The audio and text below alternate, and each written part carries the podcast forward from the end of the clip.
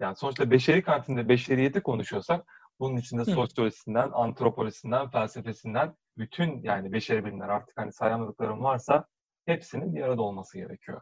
Ya çünkü bunun çünkü hepsinin hepsinin etkilerine sen bir arada maruz kalıyorsun. Sen evet. e, kendi zihinsel dünyandaki duygu düşüncelerinden de onların çıktısı olan davranışlarından müteşekkil bir varlık değilsin ki bunları belirleyen şey zaten senin dış dünyada algıladığın politik ve ekonomik sistemin stabilitesi de çok önemli bir faktör. Hı. Stabiliteden yani istikrardan ne kastettiğimi söyleyeyim. Politik istikrar neden insanların psikolojisi üzerine bu kadar etkili yani ona değineyim. İstikrardan kastım böyle seçimle 3-4 seçim boyunca devamlı aynı partinin iktidara gelmesi ve ülkeyi sözüm ona selamete çıkarması falan değil. Ülkeyi aynı partinin yönetmesine politik istikrar demiyoruz. Ülkeyi hangi parti yönetirse yönetsin ve senin siyasi görüşün ne olursa olsun A partisi yerine B partisinin seçilmesinden ötürü ciddi bir tehdit algılamıyor oluşum. Yani bunun öyle bir sembolik değeri olacak ki, e, bürokrasiye güvenin o kadar sağlam olacak ki A partisi yerine B partisinin seçilmesinin hiç önemi olmayacak. Tamam canım bu sefer de onlar seçiliversin diyeceksin. Nasıl olsa sistem işliyor bir şekilde. Bizde ne var? A partisi yerine B partisinin seçilmesi arasında dağlar kadar fark var. Yani neredeyse insanların zihninde yaşam ve ölüme bedel. Her seçimin ardından Türkiye'den siktir olup gitmek diye yazılar okuyorsun. Seni temsil etmeyen bir parti tekrar seçime geldiği zaman e, bu baş edilmesi çok güç bir depresyonu tetikleyecek vaka adeta.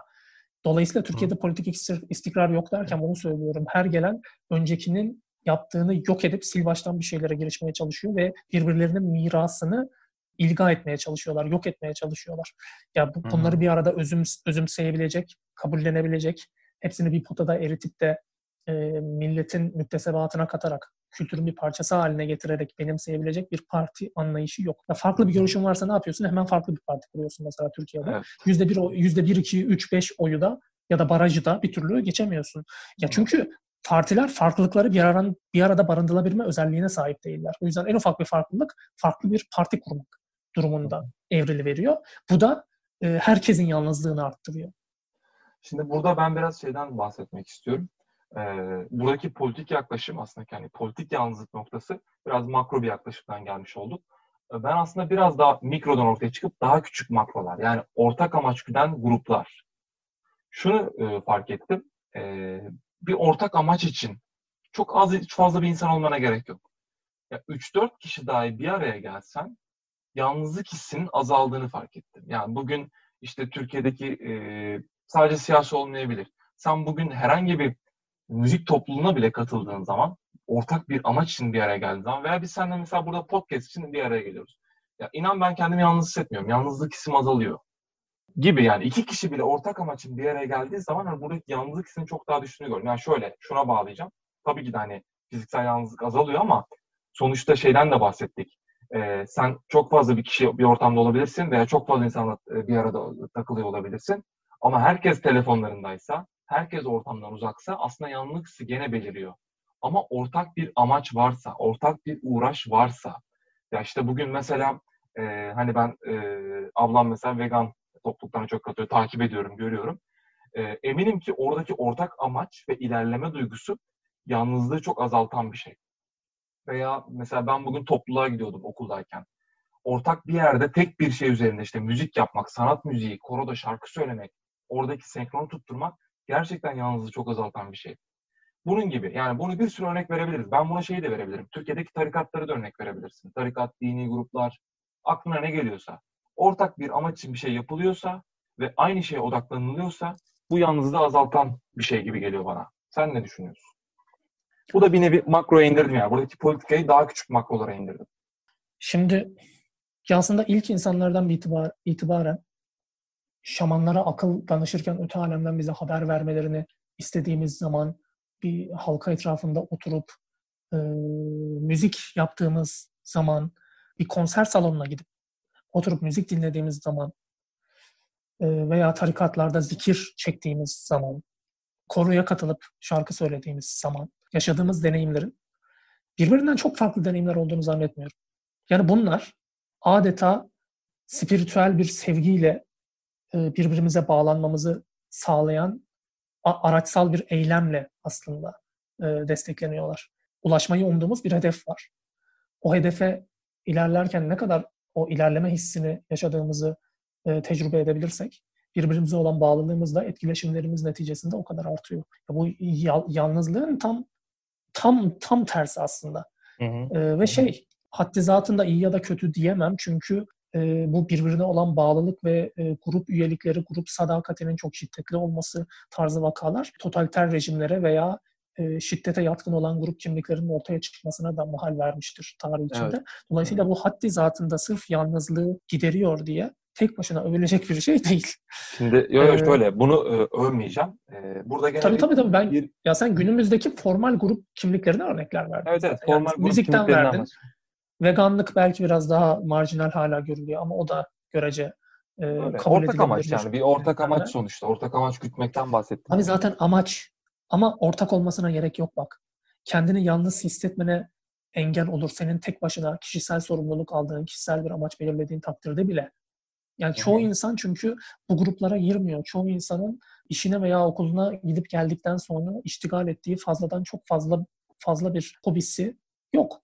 Ya da gönülden bağlı olduğu böyle ya idealist şekilde ülküsünü benimlemiş olduğu dünyayı hayvan sömürüsünden kurtarmak gibi bir e, vegan kimliğine e, sahip olmak gibi bir lüksü yok çoğu insanın. Çünkü evet. bunun gerektirdiği e, duygusal reaksiyonları zaten göstermedikleri için hali hazırda onlar için e, ne yapabileceğimize de bakmamız lazım. Bir yanda grup var ancak birey için de aslında yapılabilecek bir sürü şey var. Çünkü senin ya hayatımızda bir anlam, bir hikaye, bir kurgu, bir arayış yoksa yalnızlık zindana dönüşür.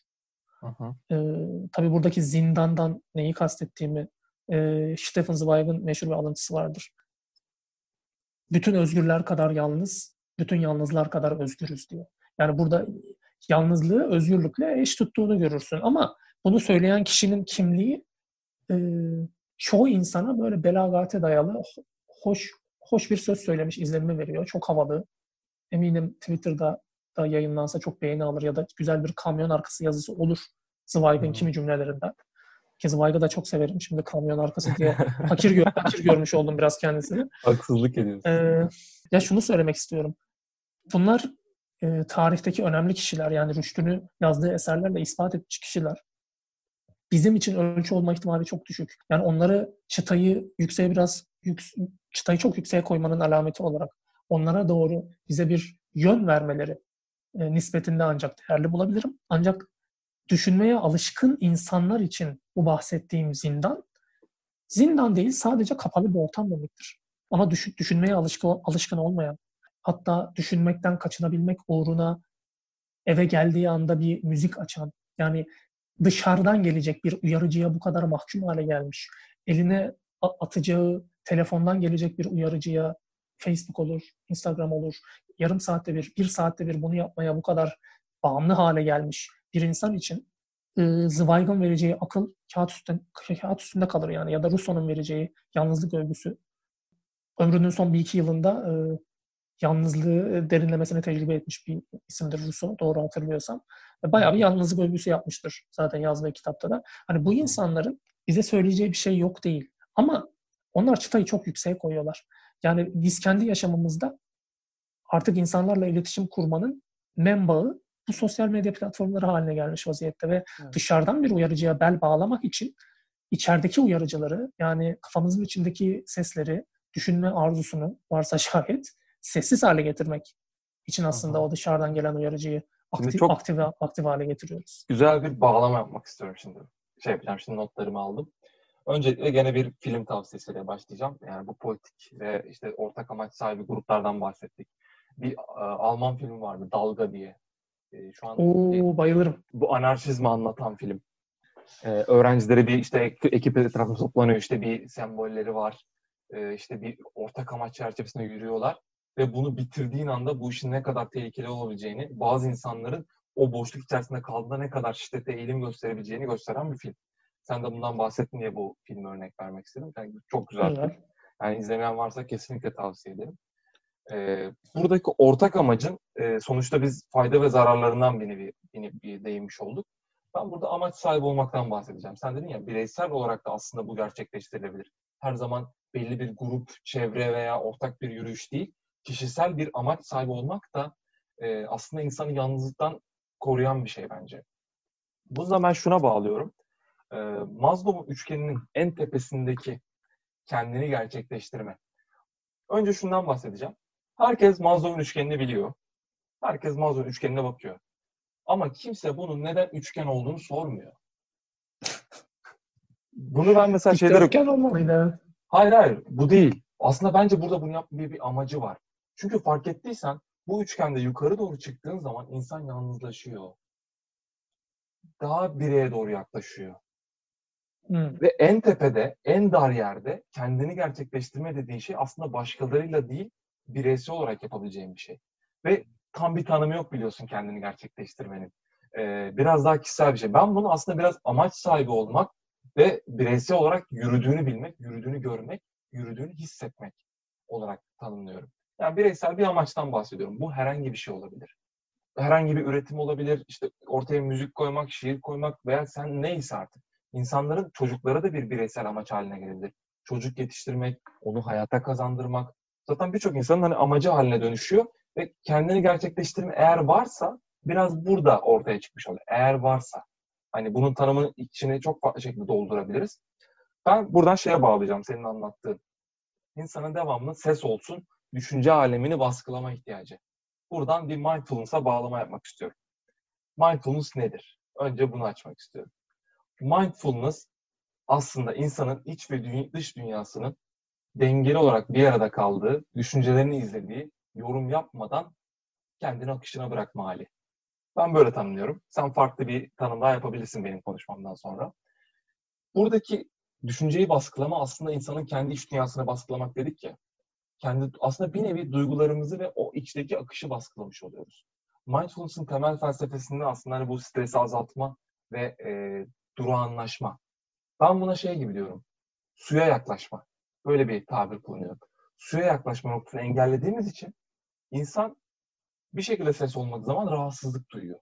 Veya iç dünyasıyla iç içe kaldığı zaman, düşünceleriyle, içeriden gelen seslerle bir arada kaldığı zaman bundan kaçıyor. İlk bölümde eğer düzenli takip eden arkadaşlarımız varsa Şaban'ın bahsettiği bir mesele vardı. Ben yalnız kalamıyorum. Çünkü aklımdaki sorularla baş başa kalıyorum ve kafayı yiyecek gibi oluyor.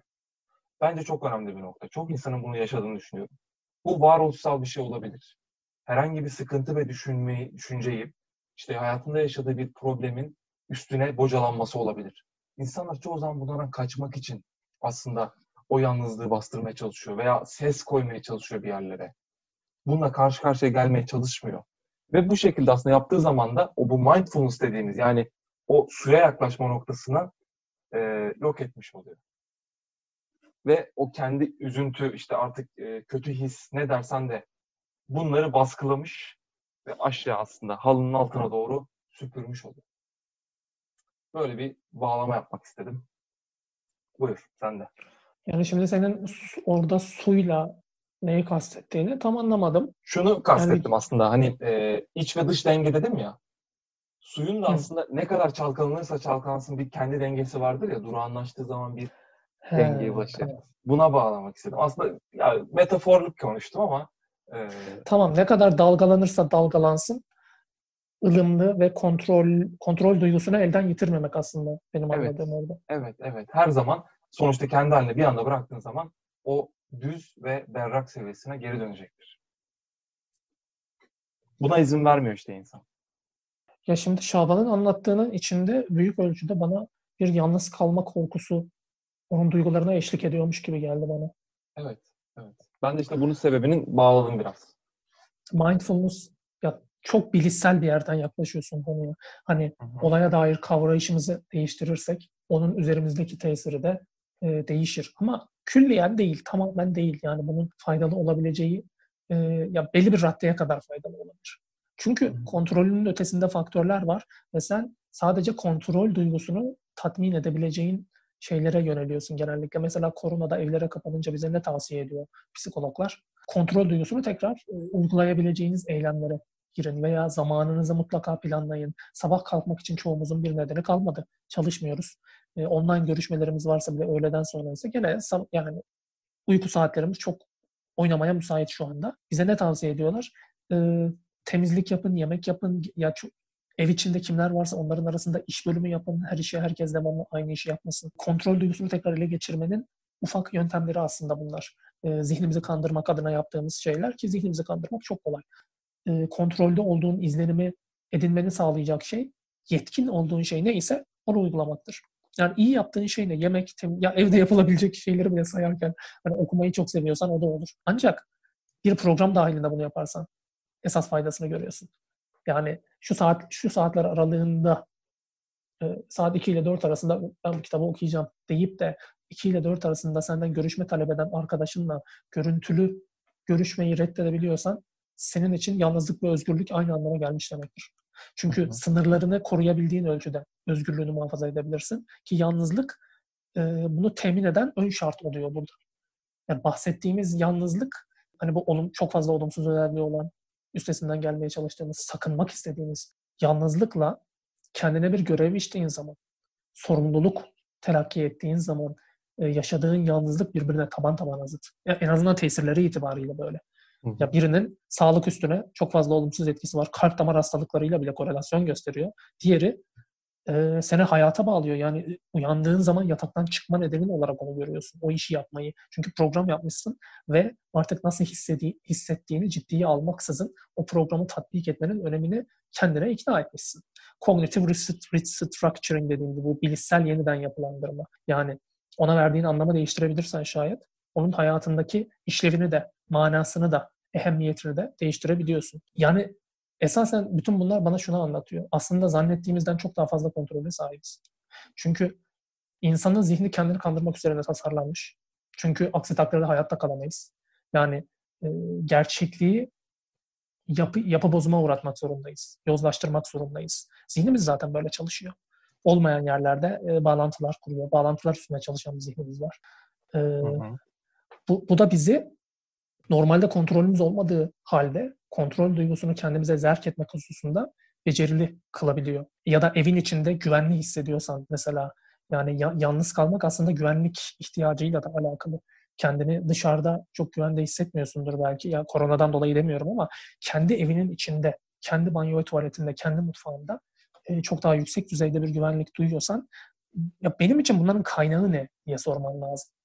E, neden ben evimde daha güvenli hissediyorum? Yani yalnızlıkla baş etme kabiliyetinin altında yatan şey çünkü e, senin gü- güvenlik anlayışın da olabilir veya özellik e, yani e, bağımsızlık, öz saygı, bağlanma biçimleriyle ilgili söylediğimiz her şey bu, bu saydığım faktörler için de geçerli.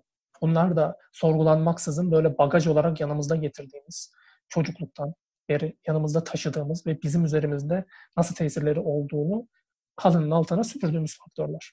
Evet, evet. Yani şöyle, e, bu bahsettiğimiz noktalarda insanın kendinde farkında olmadığı, işte bağlanma stili veya bahsettiğim bu öz saygı noktalarında olmaması bana bende biraz şey algısını doğuruyor. Hani biraz karambol yaşama algısı veya ne kadar algılayabiliyorsa, şeyin ne kadar farkındaysa o kadar devam edebilme algısı oluşuyor. Mesela farkında olsam bunu, buna şöyle bir örnek vereceğim. E, bu Hogan testini biz kendimize de yaptık ekip içinde hem müdürümüz hem arkadaşlarımız hep beraber herkes yaptı bunu. E, ve karşılaştırdık. Gerçekten de çok e, tuttuğu noktalar var öyle söyleyeyim. Sonuçta hiçbir kişilik testi insanı %100 yansıtmıyor. Ama çoğunluk veya bir ağırlık noktası var ya bu ağırlık noktalarının birbirimizin bakış açılarına baktık. Şu sana bir farkındalık kazandırıyor. Yani bir olay var ortada. İşte senin iş arkadaşını veya müdürünün aynı olaya nasıl baktığını görebiliyoruz. İnsanlar çoğu zaman bunları ölçmedikleri için, kendilerine buna bakmadıkları için bunu bir ölçme yetisini kaybediyor veya bunu bir yetenek olarak kazanıyor ancak. Ee, Perspektif, farklı bir perspektiften bakma, bakmaktan mı bahsediyorsun? Evet, evet. Yani buradaki sen eğer bir şey biliyorsan sonuçta e, kendine farklı bir perspektif çizebiliyorsun. Ama bilmiyorsan farklı bir perspektifin farkında bile değilsin. Ee, bu bana şeyi hatırlatıyor. Ee, romantik ilişkilerde yaşanan bazı sorunların altında yatan bir e, fenomen vardır. Yine sosyal psikolojiden bir örnek vereyim. Hı-hı. Illusion of transparency. E, şeffaflık illüzyonu e, dediğimiz. Ya bunun ilk ortaya çıktığı yer adli psikoloji. Önce nereden ortaya çıktığını anlatayım. Deney tasarlanıyor ve or, orta yerde 100 dolar bırakılıyor. İnsanların e, bir kısmı bunu çalmayı tercih ediyor. Bir kısmı çalmıyor. E, derken deneyin ya tabii ki şey ortada bir kamera kaydının bulunmadığına e, ikna edilmiş insanlar bunlar. Hani dolaylı yoldan bunun farkına varmaları sağlanıyor ve ardından e, 100 doları çalıp çalmadıklarına bakılıyor. Yani şey çaldığın takdirde muhtemelen e, sorum, sorumlu tutulmayacağını sana hissettirdikleri bir çevre tasarlıyorlar. Öyle. Ya buna rağmen tabii ki insanların büyük kısmı çalmamayı da seçiyor. Ama zaten deney için lazım olan bu. Şimdi ikiye ayırıyorlar çalanlar ve çalmayanlar diye. Ee, şimdi Amerika'da Miran, Miranda hakları dediğimiz bir şey var. Sen gözaltına alındığın zaman filmlerden bildiğimiz polisin sana sessiz kalma hakkına sahipsin diye saydığı, saymakla yükümlü olduğu bir takım hakların var ya, suçlu olsan bile bir takım hakların var. Ee, e, sorgu esnasında bir soruya yanıt verdiğin zaman o haklardan feragat etmiş oluyorsun. Ve e, şöyle bir genel eğilim olduğu kabul edilir. Suçlu olanlar susmayı tercih ederken suçsuz olanlar yani parayı çalmamış olanlar konuşmayı tercih ediyorlar. Yani haklarından feragat ediyorlar. E, halbuki ortada bir kanıt yok ve seni konuşturduğu takdirde suçu üstüne almanı sağlamaya çalışıyor polis. Yani konuşmasan zaten yırtacaksın. Ama suçsuz olan insanlar suçlu olanlara kıyasla daha çok konuşmayı tercih ediyorlar. Sus, sus, ya sussalar aslında kurtulacaklar. Bunun nedeni işte bu. Ben parayı çalmadım. Polis de herhalde biliyordur diye düşünüyorlar. Yani evet. şey şeffaflık illüzyonu buradan geliyor. İç dünyamızda olup biten duygularımız, düşüncelerimizin diğer insanlar tarafından erişilebilir olduğu yanılgısı. Halbuki sen bunu dile getirmediğin müddetçe kimse anlayamayabilir. Veya aslında sen o suçu üstüne almış ve e, yanlış bir itirafta bulunma sürecine girmiş de olabilirsin. Çünkü neticesinde seni o kadar köşeye sıkıştırabiliyor ki polis yapmadığın bir suçu itiraf ediyorsun. Ve bunun başlangıç noktası genellikle bu oluyor. Yani senin kendinden emin oluşun oluyor. Ben çalmadım. O halde konuşmakta bir sakınca görmüyorum. Yani polis de belki şu an bilmiyor ama anlatırsam anlayacaktır. Niye? İç dünyanda senin için o kadar kabul edilir, o kadar verili, o kadar sorgulanamaz derecede gerçek ki çalmamış olduğun. Sırf onun bu kadar gerçek ve sorgulanamaz e, oluşuna dayanarak diğer insanların da seninle uzlaşacağını varsayıyorsun. Ve muhtemelen hayatının hatasını yapıyorsun. Halbuki e, hani, daha çok şüphe yaratıyorsun. Evet. Böyle, böyle bir şey vardı. Yani e, mesela şey de vardır. Denetimlerde şey noktası vardır birazcık. Sorulan bir şey vardır. Sorulana cevap vardır artı anlatılan her şey sen kendini iyi göstermeye çalıştıkça yeni soruları doğurur. Hı hı. Ve e, ekstra ekstra soru doğuracağı için aslında senin yapmak istediğin, amaçladığın şeyin çok dışına çıkar. Bu karşıdaki insanın perspektifini almanın aslında zannedildiğinden ne kadar zor olduğunu da gösteriyor bu Evet. Yani şöyle, şunun farkında değil insanlar. İnsanı ikna etmek o kadar da kolay bir şey değil. Ve e, bu tarz suç durumlarında her zaman şüphe en önde geliyor sonuçta oradaki polisin veya yaklaşan savcının kiminse kafasında bir şüpheyle var. Sen suç sanlısın orada. Ve senin söylediğin her şey öncelikle şüpheyle başlıyor. Ve söylediğin her şey öncelikle şüpheyi uyandırıyor. Bunu hiç düşünmüyor insanlar konuşurken. Aynen öyle. Şey gibi ya bu, e, nasıl diyeyim işte, adam aldatmış işte karısını. E, mesela buradaki hani susma ve susma noktası var ya, Halbuki sen konuştukça daha çok soru doğuracaksın. Veya şunu da fark ettim. E, bu her zaman bence suçlu olmayan için değil. Yani suçlu olmayanlar konuşmuyor gibi değil. Suçlu olanların da çok konuştuğunu gördüm yani. Bu, bu noktada şeyler de var. Bir şey anlatacaktım. Tam şey yapamadım. Kafamda oturtamadım. Sen devam etsene. Ya aslında buradan e, aslında senin başta söylediğin bir yere geçiş yapabiliriz. Sen boş zaman, boş zamanla alakalı bir şey diyordun. Evet, yani boş zaman ve yalnızlık riski burada nasıl bir tetikleyici e, nokta alıyor? Evet, yalnızlığa bir geri dönelim. Evet. Geri Ee, evet, boş zamanla ilgili ne diyorsun? Bana onu bir anlat. Şuna demeye getiriyorum. Aslında hani e, Şaban'ın da bahsettiğim noktası vardı ya. Boş kaldığım zaman yani bu yalnızlıktan kaçmak istediğim zaman yani bir işim kalmadığı zaman öyle söyleyeyim sana. Ben buradaki boş zaman terimini amaçsız kalmak diye tanımlıyorum. Nasıl amaçsız kalmak? Nasıl diyeyim? Sen kitap okuduğun zaman, işte bir film izlediğin zaman, işte çalıştığın zaman, bir yere yürüdüğün zaman bile aslında bir şey yapıyorsun. Temel bir amacın var. Ama gerçekten o boş kalma anını yaşadığın zaman Netflix insan, açıyorum. Ya işte onu diyorum işte bak. Sen doldurmaya çalışıyorsun bunu devamlı. Ee, Barış Özcan'ın bölümlerinden bir tanesinde insanın haftada en azından böyle bir saat yorganın altına kapatıp hiçbir şey yapmadan yalnızca düşüncesel bir yolculuğa çıkması gerektiğine bahsediyor. Buradaki şey aslında neredeyse hiç yapmıyoruz. Ben bunu kendimde de gözlemledim. O boş kalmasını hiç yapmıyoruz. Hani telefondan bahsettik ya doldurup duruyoruz diye. İnsan hı hı. kendine durağanlaşabileceği, işte durulaşabileceği, o su, su gibi birazcık o çalkantıyı durdurmuyor yani. Yani aklı bir su dolu bir kap gibi düşünsen biz devamlı çalkalıyoruz bunu. Bir dur yani, bir dur. Sakin ol. Kafanda devamlı bir düşünce geçmesine gerek yok. Devamlı bir uyarıcıya ihtiyacın yok. Bunu çok noktada atlıyoruz. Bunun neden ben atlıyoruz? Ee, şöyle söyleyeyim sana. Bu benim için neden olduğunu söyleyeyim veya Şaban'ın noktası bir, de, bir nevi hem varoluşsal sorulardı hem de diğer bir takım e, kafasına beliren cevabını bulamadığı sorulardı. Benim için de aynı şey geçerli.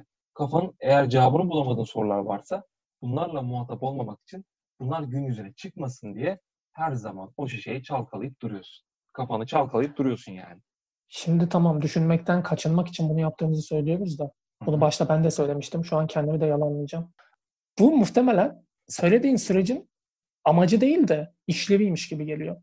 Yani sen e, zihnine dışarıdan gelecek bir uyarıcıya aç, aç kılıyorsun ve o açlığı gidermek için tekrar telefon, Netflix her neyse ona yöneliyorsun ama bu o yalnızlık hissiyatının ürettiği bir sonuç yani yan etki diyelim. Yani sen bunu amaçlayarak of eyvah düşünceler aklıma geliyor. Hemen bunlardan kurtulayım. Hemen bir Netflix açayım. Hemen Instagram'a gireyim millet durum güncellemesi yapmış mı? Şunlara bir check edeyim. Hı hı. diye olamazsın. Yani bu onun yan etkisi. Bunun altında bu kadar e, senin iç görüne müsaade eden bir süreç olduğunu düşünmüyorum. Çünkü bu bir bağımlılık. Ve evet, bağımlılıkların evet. E, bedensel olarak craving dediğimiz bir hadisesi var. Yani sen bunu sen bunu deli gibi arzuluyorsun. Yani ka- bir şeyden bir şeyden kaçmak için değil, istediğin için de gidiyorsun. Evet, buna buna katılıyorum. Ona bir şey demiyorum zaten. Hani bu sadece şey demek değildir. Ya işte durulayım da bu aklımdaki sorulardan kaçayım, işte bunları yapayım devamlı değil. Bunu biz eğilim olarak gösteriyoruz. Aslında birlikte bir keşfe çıkalım istiyorum bu noktada. Şunu sormak istiyorum. Dinleyicilere ve kendime, hatta sana da. Gerçekten hiçbir şey yapmadığın, yani herhangi bir şey izlemediğin, herhangi bir şey dokunmadığın, gerçekten böyle oturup kafanda da düşüncelere yorumlar yapmadığın kaç tane anın var hayatta? Ya yok diyebilirim herhalde beni rahatsız ama neden yok kısmı önemli. Hani evet işte or- oraya doğru da gidebiliriz. Keşif olduğu için. Ya da neden yok? Neden yok? Ya boş zamanın yani tırnak içinde senin amaçsız kalmak olarak tarif ettiğin zaman senden tüm yaratıcı potansiyelini talep ediyor. Yani kendini adeta çürütmeni istiyor. Senin ödül sistemini de ele geçirdikten sonra bunu yapması çok çok kolay bahsettiğimiz ya özellikle Instagram tarzı sayfalar. Çünkü bir bir hizmet olarak yani ürün ve mal ve hizmetler döngüsü diyoruz mesela ya da serbest piyasa diyoruz. Bir hizmet olarak ele aldığımız teknolojik hiz, imkanların kendimiz e, nesnesi haline geliyoruz. Yani ondan istifade etmemiz gerekirken biz onun istifade ettiği bir nesne haline geliyoruz. İçerik üreticisi biziz. Yani Instagram'ı ayakta tutan nesneler biziz aslında üretici. Yani içerik üretiminin bir çıkarı, kendi sosyal ihtiyaçları dışında hiçbir çıkarı olmayan kişilerce finanse edildiği bütün platformlar buna dayanıyor. Yani Airbnb olsun, içerik e, burada da mesela yani çatıyı sen kuruyorsun. İçine bireysel katılımcılar girip seni zengin ediyor. Ya da Alibaba e, ya da Amazon. Amazon tam olarak öyle işlemiyor herhalde bilmiyorum. Yani küçük distribütörleri de içine katan, e, ya da şu araç uygulaması var ya Uber çağırma falan. Benzer Hı-hı. şekilde. Yani sen çat ha yemek sepeti. O da çok güzel Hı-hı. bir örnek. Yani her yerde teknolojinin yarattığı her alanda bunu görüyorsun. Burada şey de var. Conspicuous consumption dediğimiz yani göze sokarcasına tüketim yapmak diye. E, dö- dövüş kulübünün de meşhur repliğidir ya sahip olduğun şeyler neticede sana sahip oluyor diye. Sen onlara bağımlı hale geldiğin noktada onlar sana sahip oluyor. Bunun önünü almak ne kadar mümkündür? e, sen sahip olmakta direttiğin müddetçe, sen bu uygulamaları kullanmakta direttiğin müddetçe bunun Tyler Durden'a söylediği aşamaya gelmesine engel olabilir misin? Ben diyorum ki kolay kolay olamazsın abi yani en fazla kapısının eşiğinde durursun ama girmen an meselesi. Instagram'da özellikle bir şey George Simmel'ın söylediği bir şeydir. Bu ilk kent, kent sosyoloğu kabul edilir. Bir bakış yağmurunun altındasın. Yani her yerden bir bakış yağıyor ve kentte sen derinlikli ilişkiler kurmaktan yoksun olduğun insanlarla devamlı etkileşim kurmak zorundasın. Sokakta rastlaşıyorsun en basitinden ve e, herkes senin için bir seyirlik malzeme anlamına geliyor. İnternette Instagram ve Netflix'i de ben çok farklı bir amaçla kullanmıyoruz. Yani her şey e, seyirciye oynamak üstüne kuruluyor ve e, pazarın hizmetinde. Piyasanın belirlediği koşullar neyse onlar dahilinde sana ulaşabiliyor. Ötesinde hiçbir değer arz etmiyor. E, senin bütün boş zamanın buna kanalize edilmiş durumda ve amaçsız değilsin. Tekrar ediyorum amaçsız değilsin aslında boş zamanında. Sen ikinci Hı-hı. bölümde müzikle alakalı bir şey söyledin. Dedin ki e, müziği dinlediğimiz platformlar son 10-15 yılda süratle değişti. Yani şu an Spotify falan kullanıyoruz ama hepsinin ortak özelliği yani bize müziği daha kolay erişilebilir kılması gibi bir şey söylemişti hatırlıyor musun? Evet evet yani işte plaklardan kasetlere, kasetlerden sosyal Güzel. dijital platformlara demiştim. Heh. Kolay ulaş. İşte ben de bunun tam tersini düşündüğümü söylemiştim ama o an açma fırsatım olmamıştı. Şu an tam yeri geldi. Farklı platformlara sahip olmaya Marshall McLuhan, o da şey teknoloji alanında çığır açmış eserler kaleme almış bir abimizdir. Gutenberg Galaksisi gibi. Çok meşhur bir sloganı vardır onun. Medium is the message diye. Aracın mesajın kendisi olduğunu söyler. Yani araçtan kastım şu. Müzik dinlemek için kullandığın araç her ne ise, uygulama her ne ise, kendini eğlendirmek için girdiğin, kullandığın uygulama her ne ise, onun vasıtasıyla tükettiğin içerikten çok daha fazla belirleyici bir tesire sahiptir. O aracın kendisi. Yani mesaj mesaj dediği burada içerik. Diyelim e, Netflix'te ya da müzik e, Spotify'da e, bir şarkıcı ismi söyle Michael Jackson. ben yeni şarkıcıları da bilmediğim için. E, Ezel'le mesela. Ha, doğru. Ha, Ezel. Nefret ederim. bizim bizim o okulda sanki şenliğe de geldi ya. O çıkar çıkmaz kaçmıştım. Sanki öyle bir şey hatırlıyorum. Neyse. Çok mu geç geldiydi? Neyse. Konu, Çok konu, önemli değil. Konu değil. Yani mesele Ezel gibi birinin böyle mekanik bir müziğin üstüne e, boş lafları dizebileceği altyapının zaten teknolojinin gelişmesiyle mümkün hale gelmesi. Hani düşünsene 300 yıl önce sen notaları elinle yazmak zorundaydın. Böyle boş beleş ürünleri istesen de yaratamazdın. Çok kaliteli eserler yaratmakla mükelleftin. Başka seçeneğin yoktu. Evet. Yani kaliteden kastım bugünkü e, pop müziğin ürünleriyle klasik müziği kıyaslamak biraz absürt olacak ama o zamanın pop müziğinden günümüze kalan hiçbir şey olmadığı için o zaman pop müzik denen bir şey bile yoktu muhtemelen. Çünkü piyasa biraz zenginlerin hegemonyasında kalıyordu. Yani halka kanalize edilmemişti, tabana yayılmamıştı. Saray Çünkü, müziği. Saray. Tabii tabii. O yüzden çok fazla yaygınlık gösteremiyordu. Şunu anlatmak istiyorum. Araç olarak kullandığın şey senin davranışlarını belirleyen e, ve yaşamını dönüştüren, materyal dünyayı dönüştüren esas faktördür. E, senin e, Netflix, e, YouTube'un YouTube'dan Netflix'e geçişin diyelim. Eskiden e, izlesene.com'lar falan vardı yani. Evet. Oradan YouTube'a ama YouTube senin telefonunda çok daha kolay erişilebilir hale geldi ve sen normalde sadece bilgisayardan bakarken akıllı telefondan da bakar hale geldin ve gündelik hayatta daha fazla başına eğer hale geldin. Yani senin davranışlarını de- değiştirdi aslında bu terim ve seni daha fazla e, sırt ve bel ağrısı çeker hale getirdi diyelim. Ya yani araç olarak kullandığın şey onu hangi amaçla kullandığından çok daha mühimdir demek istiyorum. Senin YouTube'dan A ya da B videosunu izlemen arasında e, YouTube açısından hiçbir fark yok. Sen yeter ki ertesi gün YouTube'a tekrar girecek ol. Ya da Spotify'dan hangi müziği dinlediğini e, Spotify çok da satmaz. Önemli olan senin tekrar gün be gün girip aboneliğini yeni, yenil, yenileyecek olup olmadığındır. Çünkü dediğim gibi araç yani sana o hizmeti sunan ve senin adeta içkin olduğunu düşündüğün, doğanda olduğunu düşündüğün müzik dinleme ihtiyacı diye sana satılan şey aslında o ürünün kendisinden ibarettir. Yani orada önemli olan şey YouTube'dur, Spotify'dır, Netflix'tir. Sana 36 kaç inç oluyor bu en büyükleri? Daha büyük bir televizyon aldıran şeydir. Oyun oynama materyallerinin PlayStation'dan daha büyük, evet. daha yeni sürümlerine geçmesidir falan ve senin yaşamını dönüştüren yeni oyun konsolları almaktır. Ya da e, dokunduğun el kol hareketlerinin değişmesidir. Telefon ilk icat edildiği zaman her yana yani direkler dikildi, teller çekildi ve senin gündelik hayatında materyal olarak çok büyük bir tesiri oldu bunun. Yani Halbuki aslında telefon... diyorsun ki telefon satılırken adam sana bir nevi birileriyle iletişimi değil, telefonun birebir kendisini satıyor.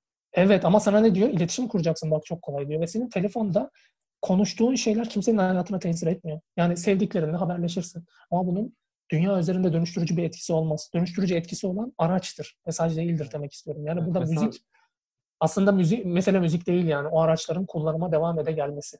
Evet, evet. Çok şu an şu an dediğim zaman daha çok farkına vardım. Mesela Spotify ve Netflix'i düşündüğüm zaman abi Netflix'e bulabildiğim birçok filmi aslında normal sitelerde de bulursun yani bir şekilde. Bir şekilde bulursun. Ama oradaki platformu sen satın alıyorsun birebir. Veya Spotify'da. Sen oradaki müziklerin birçoğunu YouTube'da bulursun. Ama sen oradaki o hizmet ve birebir uygulamanın kendisi sende olması bile ekstra bir haz veriyor insana. Tabii.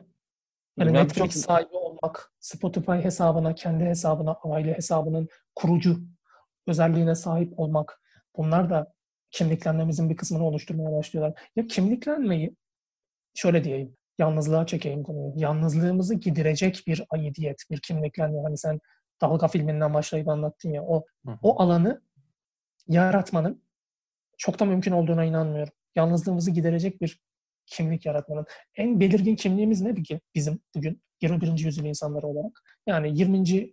yüzyılın başlarında yayılmaya başlamış olan kariyer denilen bir şey dışında elimizde e, sahiplenmekten haz aldığımız bir kimlik var mı? Mesleklerimizi kullanıyoruz kim olduğumuzu ifade etmek için. Ya ismimizi saymıyorum. Bunun bir ayırıcı vasfı yok. E, çok önemi de yok ismimizin. Ama kim olduğumuz aslında ekonomik bağımsızlığa sahip olup olmadığımızla belirleniyor her şeyden önce. Ya da aile babası olmak. Ya bizim gözümüzde çok bir ehemmiyeti var mı Allah aşkına? Abi şöyle aile kur. Ee, ya senin... da arkadaşların. Hangi ilişkin yani senin kimliğinin bel kemiğini oluşturuyor? Sadece ve sadece sana ek- ekonomik bağımsızlık bahşeden mesleğin. Ya sen mesela Bunun da en çok yakında... yetersiz kaldığını ve yalnızlık hissinin esas nedenlerinden biri olduğunu düşünüyorum. Şöyle, şu örneği vereceğim burada senin kendinde veya en yakınında sosyal olarak güç, en güçlü şey neyse sen kendini onu tanımlıyorsun. Sen bugün çok büyük bir inşaat şirketinin işte sahibinin oğluysan tamam mı? Bu senin kimliğin oluyor. O kişinin oğlu oluyorsun sen. Veya işte çok Neden? Büyük, çünkü o sosyal olarak çok güçlü bir şey. Heh, o sana bir sürü ayrıcalık bahşediyor da o yüzden. Evet. Sana ayrıcalık bahşeden neyse o. Zaten evet. aile kurumunun parçalanıp gitmeye başlamasının Ardında da bu var. Ayrıcı bir vasfı kalmadı. Bize sunduğu bir ayrıcalık kalmadı.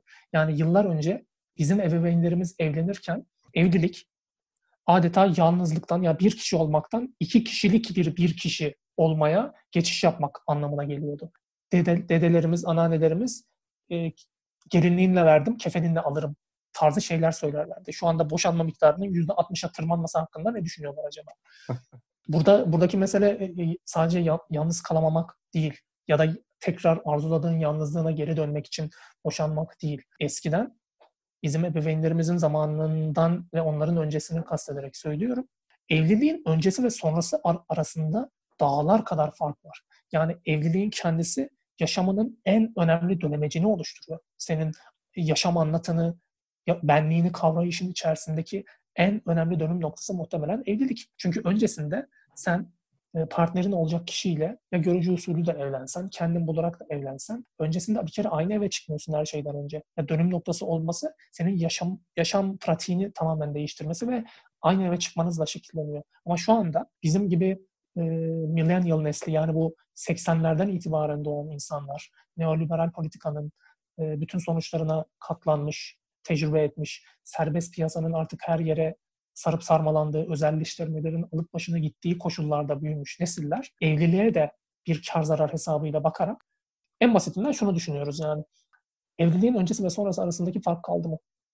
Orada bir fark kalmadı ki. Artık bir dönüm noktası değil ki evlilik. Bir kağıt parçasından ibaret görmemizin e, altında ciddi bir neden var. Yani bu çok boş bir beyan değil aslında. Çünkü sen zaten evlenmeden önce partnerinle aynı evde beraber mutfakta yemek yapmanın tadına varıyorsun. Dizinin karşısına kurulup eğleniyorsun. Aynı evde oturup kahve içiyorsun. Beraber yatıp sevişiyorsun. Evlenince normalde evlenince yapman sana öngörülen her şeyi evlenmeden önce artık yapa geldiğin için istesen de evliliğe aynı gözle bakamazsın.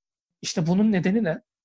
Bunun nedeni bireyin artık nasıl bir belleğe sahip olduğunun, tarihsel belleğe, kültürel belleğe sahip olduğunun öneminin kalmaması. Ebeveynleriyle arasında e, kültürel dönüşümün yoğunluğundan dolayı ciddi bir kopma olması. Bu da e, psikolojik olarak onu kendi kabuğuna çekilmeye ve yeni yaşam pratikleri üretmeye mecbur kıldı.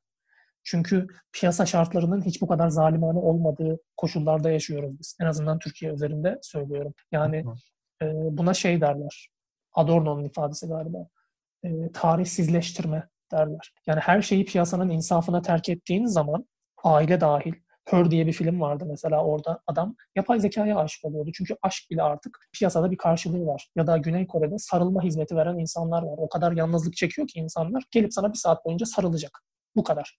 Hizmet bu yani. Ya her şeyin mal ve hizmetler döngüsünde özel sektörde bir karşılığının olduğu bir çağda yaşıyoruz biz. Bunu ya bizden bunu, önceki nesiller tecrübe etmediler. Dolayısıyla bizim bile... yalnızlığı gidermenin tek yolu en belirgin kimliğimiz olan mesleğimiz vasıtasıyla gerçekleşmediği için romantik ilişkiler olsun, aile olsun, arkadaşlar olsun hepsi ellerimizde kaybolup gidiyor. Arkadaşlık ilişkilerine bakalım. Yüzde dur hatırlayacağım. Yüzde 20-22 olması lazım bu yine millennial nesli. Bizim neslimizin yüzde 22'si hiçbir arkadaşının olmadığını söylüyor. Bunlardan yüzde otuzu falan hiç yakın arkadaşının olmadığını söylüyor. Yani başın sıkıştığında gideceğin sadece aile bireylerin var. Onlarla da alan aranda o kadar büyük bir kültürel kopukluk var ki mecbur kalmadıkça irtibat kurmak istemiyorsun. Yani senin benim ya da çoğumuzun diyeyim babalarımızla olan telefon konuşmaları bir dakikayı geçmiyor. Yani parayla alakalı konuşuyoruz. Nasılsın? İyiyim. Nasılsın? İyiyim. Bir şeye ihtiyacın var mı? Yok baba sağ ol. Bitti. Hani paylaşacak çok fazla şeyimiz yok ve bütün bunlar, bütün bu anlattıklarım yalnızlığa tuz biber eken faktörler. Yani önceki nesillerin hiçbirinin tecrübe etmediği derecede yoğun bir yalnızlığa bizim gark olmamızın boşuna değil yani altında bir sürü dünyanın kü- yani küresel kapitalizmle alakalı bir sürü neden var. Ve psikologların bunların farkında olması gerekiyor. Yani her şeyi böyle çocukluğuna inerek annesine zamanında düzgün bağlanmamış demek ki o yüzden bu dertleri çekiyor. Ha siktir lan yani. E, aynı dertten bu kadar bu, bu kadar çok sayıda insan muzdarip olup da nasıl bunu bireyin kendi sorunuymuş gibi çözebilirsin? Senin bunu bireyin kendi sorunu olarak görmenin tek nedeni sana haftada 300 lira verebilecek biri olması o bireyin. Başka bir nedeni yok. Yani aslında herkes aynı dertten muzdaripken bu yüzden ben açık kaynağa dönülmesini e, insanların yalnızlığını gidermek ve kendi psikolojik sorunlarını kendi kendilerine çözmek hususunda çok başarılı olacağına inanıyorum. Şu an açık bilim hareketi var. Ağır ağır yaygınlık kazanmakta olan. E, bizdeki bunun temsilcisi de Ali Hoca, Ali Bayramoğlu. Yine bizde doktorasını da bizim klinik programında verdi ve şu an bizim Mediko'da çalışıyor. Yani akademisyenliği tercih etmedi. İnsanların hayatına e, doğrudan temas edecek bir şey yapmak istediği için hani ihtiyaç duyan dinleyicilerimiz varsa mesela ve psikoloğa para vermek istemiyorlarsa veya imkanları el vermiyorsa ben kendisinin 8 dersten müteşekkil YouTube videolarını tavsiye ederim. Yani YouTube'a Ali Bayramoğlu yazarlarsa ulaşabilirler. Onu da buradan reklamını yapmış olayım yani. Bir reklam vermiş oldum. Ee, şimdi şu noktalara giriyorum. Buradaki sarılma noktalarından bahsettim. İnsanların sarılmak için para ödeyip birilerine sarıldığından. Ee, ben biraz da medyanın yansımalarından aslında bahsetmek istiyorum. Sesin, sesin çok boğuk gelmeye başladı. Boğuk geliyor. Şu an iyi mi? Kalitede bak. Değil. Biraz daha önüme doğru getirdim. Tamam. Biraz şöyle konuşayım. İyi mi şu anda? İyi, daha iyi. Tamam. Ee, şundan bahsetmek istiyorum. Yani medyadaki yani normal bu işte filmdi, diziydi, insanların birebir içinde bulundukları şeylerdeki değişimi aslında oralarda da yansıyor. Bu yalnızlığa bakış olan değişimleri. Hani eskiden şeyi göremiyordum mesela. Ben yeni dönem dizilerinde şeyi görüyorum. İşte adam hayat kadınına gidiyor. Yalnızca kucağına yatmak için. Onu okşasın diye. Yani yan yan olmak için. Yani şey değil. Birlikte olmak için değil yani. Gerçekten o yalnızlığını Aynen. dindirsin diye. Derdini dinlesin diye. Yani eski düşünsen Yeşilçam filmlerinde böyle bir şey görebilir misin? Yani hani bak ya belki vardır bilmiyorum. Ben karşılaşmıştım ama ben görmedim diye hatırlıyorum. Yani eski dönem şeylerinde e, bunlara rastlamıyorduk. Yeni dönemde çok çok daha fazla rastlıyoruz. Veya işte teknoloji insan ilişkisiyle alakalı şeye çok fazla rastlıyoruz. Bize çok şey anlatacaklarını düşünüyorum. O bahsettiğin Her ve çok güzel bir filmdi bu arada. Gerçekten sadece hani film tekniği olarak değil, anlattığı nokta olarak da bence müthiş bir karşılığı var. Ee, yavaştan toparlayalım diyorum ben. Bayağı bir oldu. Ah, evet evet. Ya enine boyuna yırdeledik yani. Ben tatmin evet. oldum. Evet, e, ben gene bir şiirle bitirmek istiyorum. Yalnızlığı güzel anlattığını düşündüğüm. Ne dersin? Gönder gelsin canım. Tamam. E, arkada bir küçük müzik açacağım. İnşallah telif yemeyiz bundan. Çok sevdiğim bir müzik. Şu an Oo, nasıl çıkıyor? Klasik. Duyuluyor mu? Ben duyuyorum. Duyuluyor Tamam o zaman duyulacaktır demek. Şimdi en son söylerim kimin falan olduğunu. Çok çok sevdiğim bir şeydir. İki tane partını okuyacağım. Ve bence yalnızlığı güzel anlatıyor. Önünü alamıyorum bu kör gidişlerin yollarda. Herkes bir yere gidiyor. Önünü alamıyorum. Çaresiz direniyorum bu dönüm noktalarında. Kimse elini uzatmıyor. Bir gürültü, bir gürültülü yaşamaya gidiyor dünya. Boşalan bir deniz gibi. Bu sesler ormanında kaybolan bir çağ bu. Nereye gitsem hep apartmanlar çıkıyor önüme. Alıp başımı duvarlara çarpıyor bu yollar. Gidip gelmelerim bu dar sokaklarda. İnsanların koşup dolduğu bu dar yapılarda bir kısır döngüye girmek için bütün çabalar. Biz bunun için mi geldik? Susmanın karesine sığınıyorum. Önümde karanlık duvarlar. Sırtımda insan yüklü bir gök var. Erdem Bayezid. Şiirin hepsini okumadım bu arada. Sadece başını ve sonunu. Ama ilk başta anlattığı insanların koşup da olduğu bu dar yapılarda yani yıllarca beni etkilemiş bir sözdür bu. Bu ilk kısım.